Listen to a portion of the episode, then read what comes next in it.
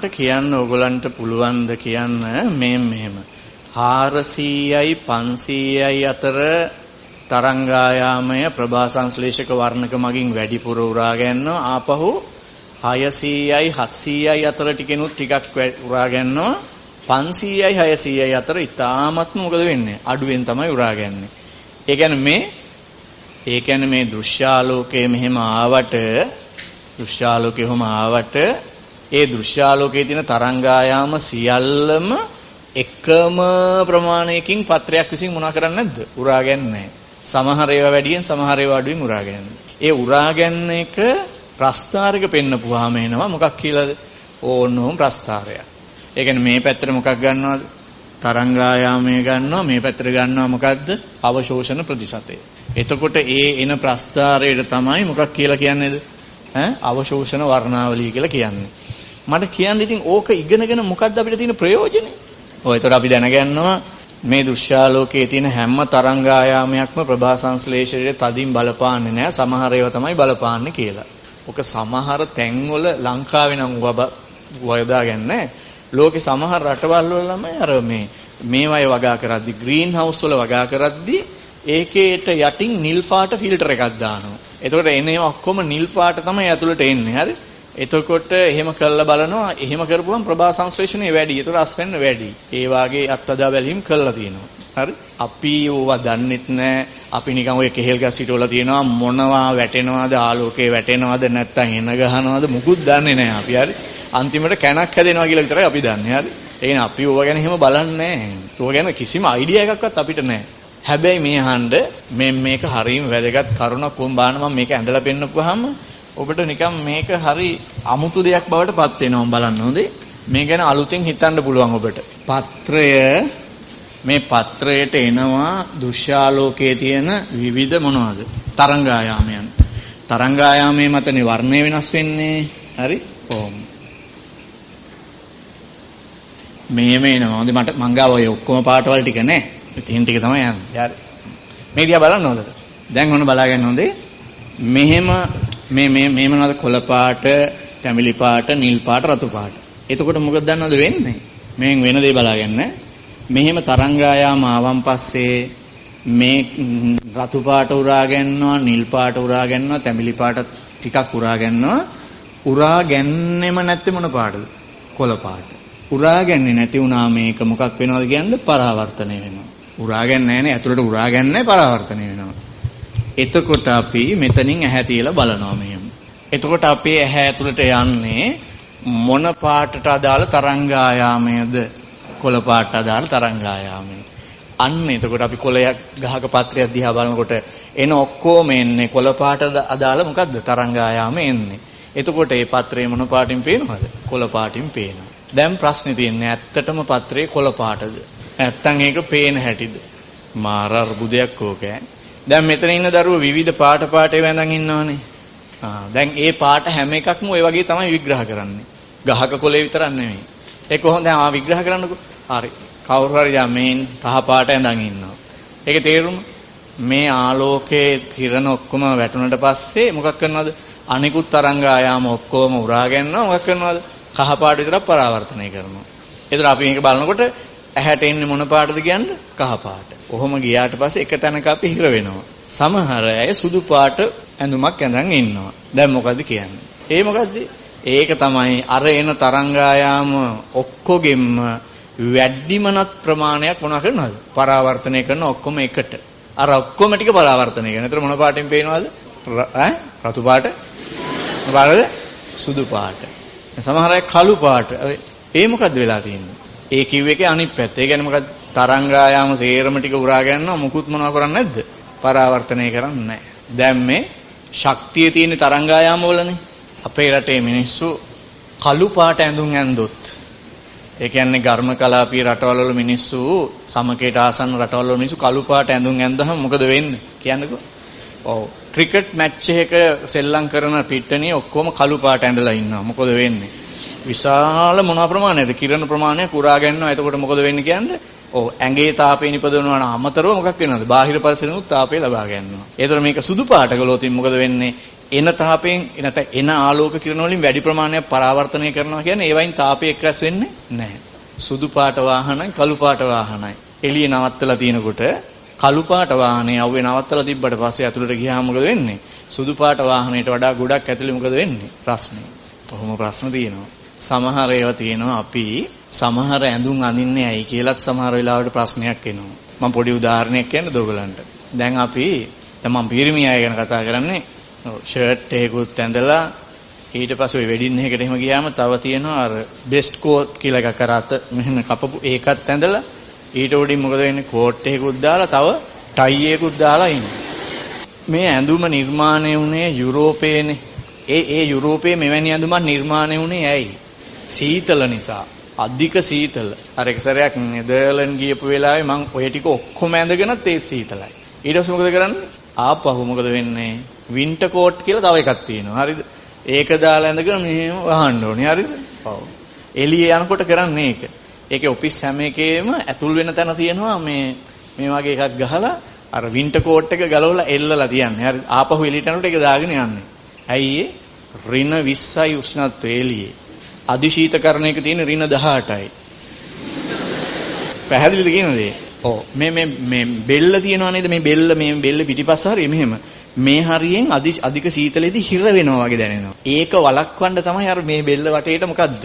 රෙදි පටියක් ගැට ගහලා එක මෙහෙම කරේ. ඒක තමයි පස්සේ කාලෙක ටයි එක උනේ. හරිද?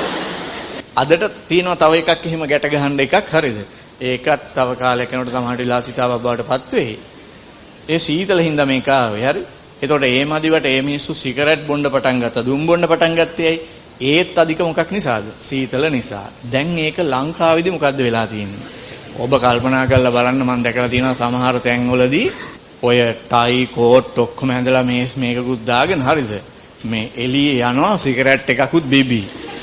මෙහෙන් ලේන්සුවක් අරගෙන මෙහෙම පිහ දානවා හරිද? පිහ දානවා සිගරට් එකකුත් බොනවා. පව් කියලා හිතෙන්නේ නැද්ද එහෙම දැක්කහම? නෑ ඇත්තට මේ ගැන අවබෝධයක් තියෙන කෙනාට මට නම් ඒක පේනකොට පව් කියලා හිතෙනවා අප්පා. ඇයි මේ දුක් විඳින්නේ? දුක්ඛක් ඒක ඇත්තටම. ඉතින් ඒ වගේම තමයි මේ කියන කතාවත් හරි. ඔව්. ඉතින් ඒක නිසා මේ මේ මේක අපිට මේ කොළපාටින් පේන්නේ. මේකෙන් කොළපාට උරාගන්නෙම නැහැ. ඒතර ඔක්කොම ටික මොනව වෙලා යනවද? පරාවර්තනය වෙලා එනවා. එතකොට කොලේ කොළපාටයිද නැත්තම් කොලේ මගින් කොළපාට පරාවර්තනය කරනවද?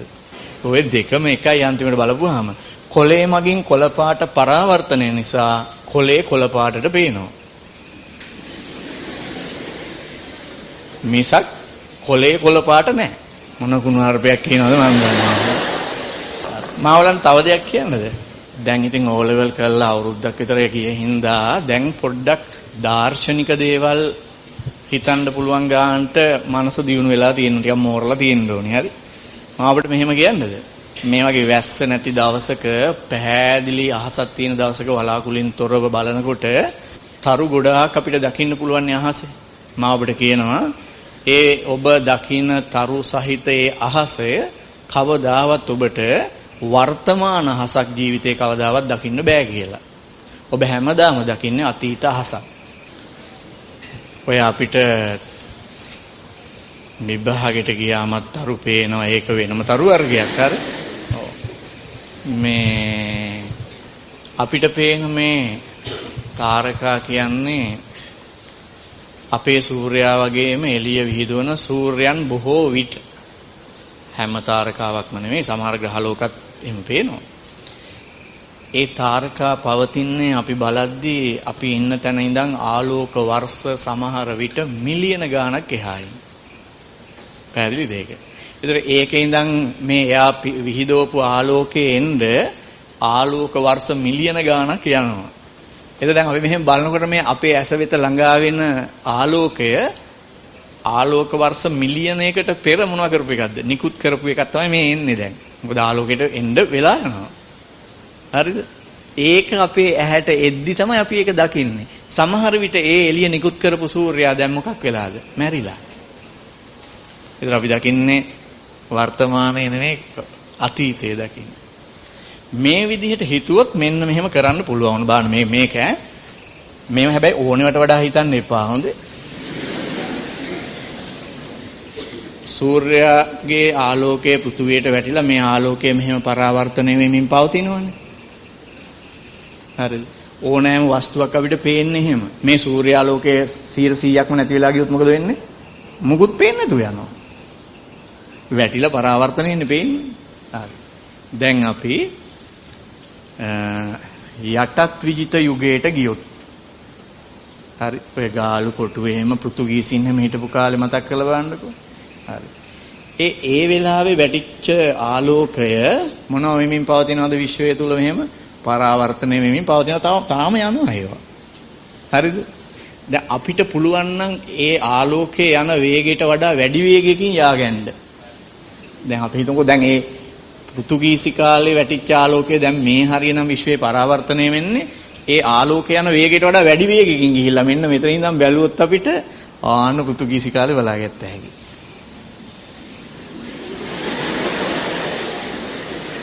ඒ කියන්නේ දැන් අපි යන්නේ කොහාටද? ඒ කොහාටද ගියේ? අතීතයට.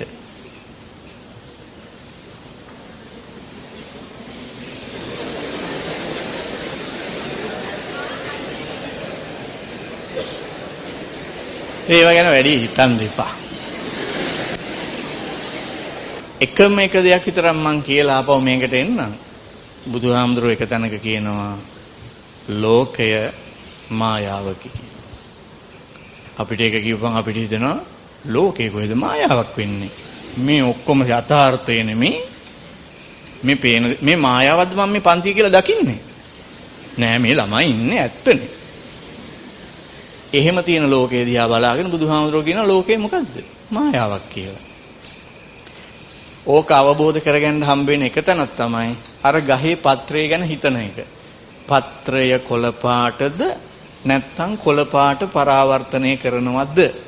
කියලා හිතපුවාම හිතෙනවා ඔවුනේ ලෝකේ පොඩි මොන ගතියක් තියෙනවද?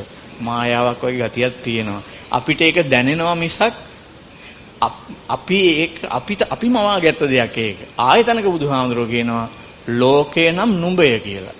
පැහැදිලිද ඒක? ඒ කියන්නේ මෙහෙම. දැන් මෙතන ඉන්න ඔක්කොම ගත්තොත් එහෙම මම ඇහුවොත් මේ ලෝකය කියලා අපි කියන දේ මේ සියලු දෙනාටම පොදුයිද නැත්නම් පෞද්ගලිකද? ලෝකය කියන එක පොදුයිද පෞද්ගලිකයිද? පෞද්ගලිකයි. ඒ නිසා මෙතන ළමයි 1000ක් ඉන්නවා නම් ඒ ළමයි 1000ට තියෙන ලෝක 1000ක්. අද නම් මොකක් හරි නට් එකක් බුරුලෙලා වගේ නේද? සමහර අයට එහෙමත් හිතෙනවා.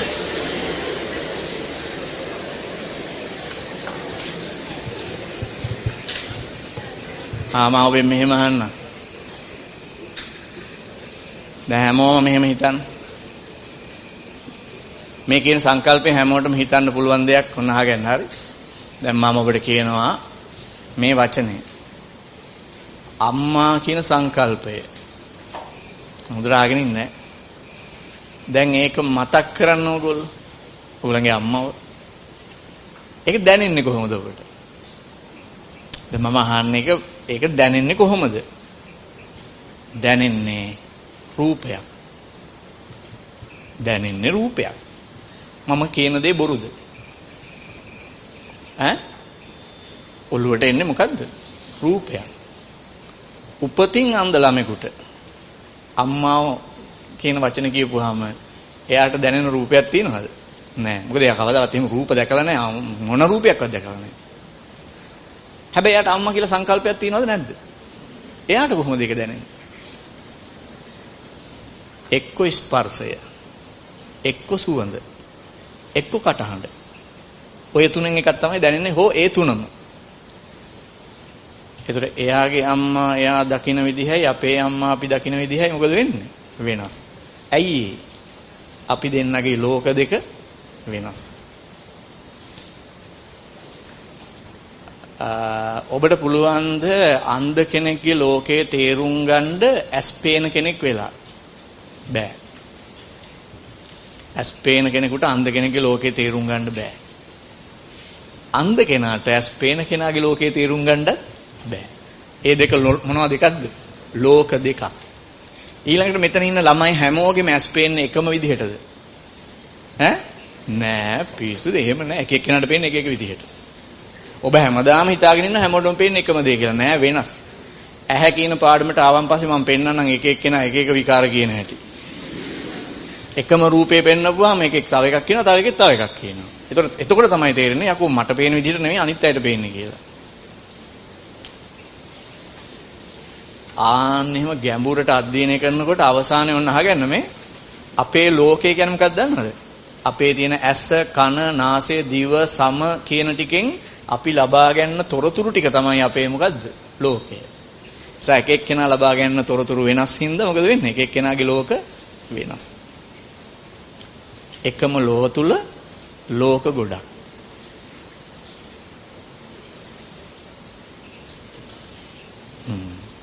ඇති නේද? ඔව් ඇති.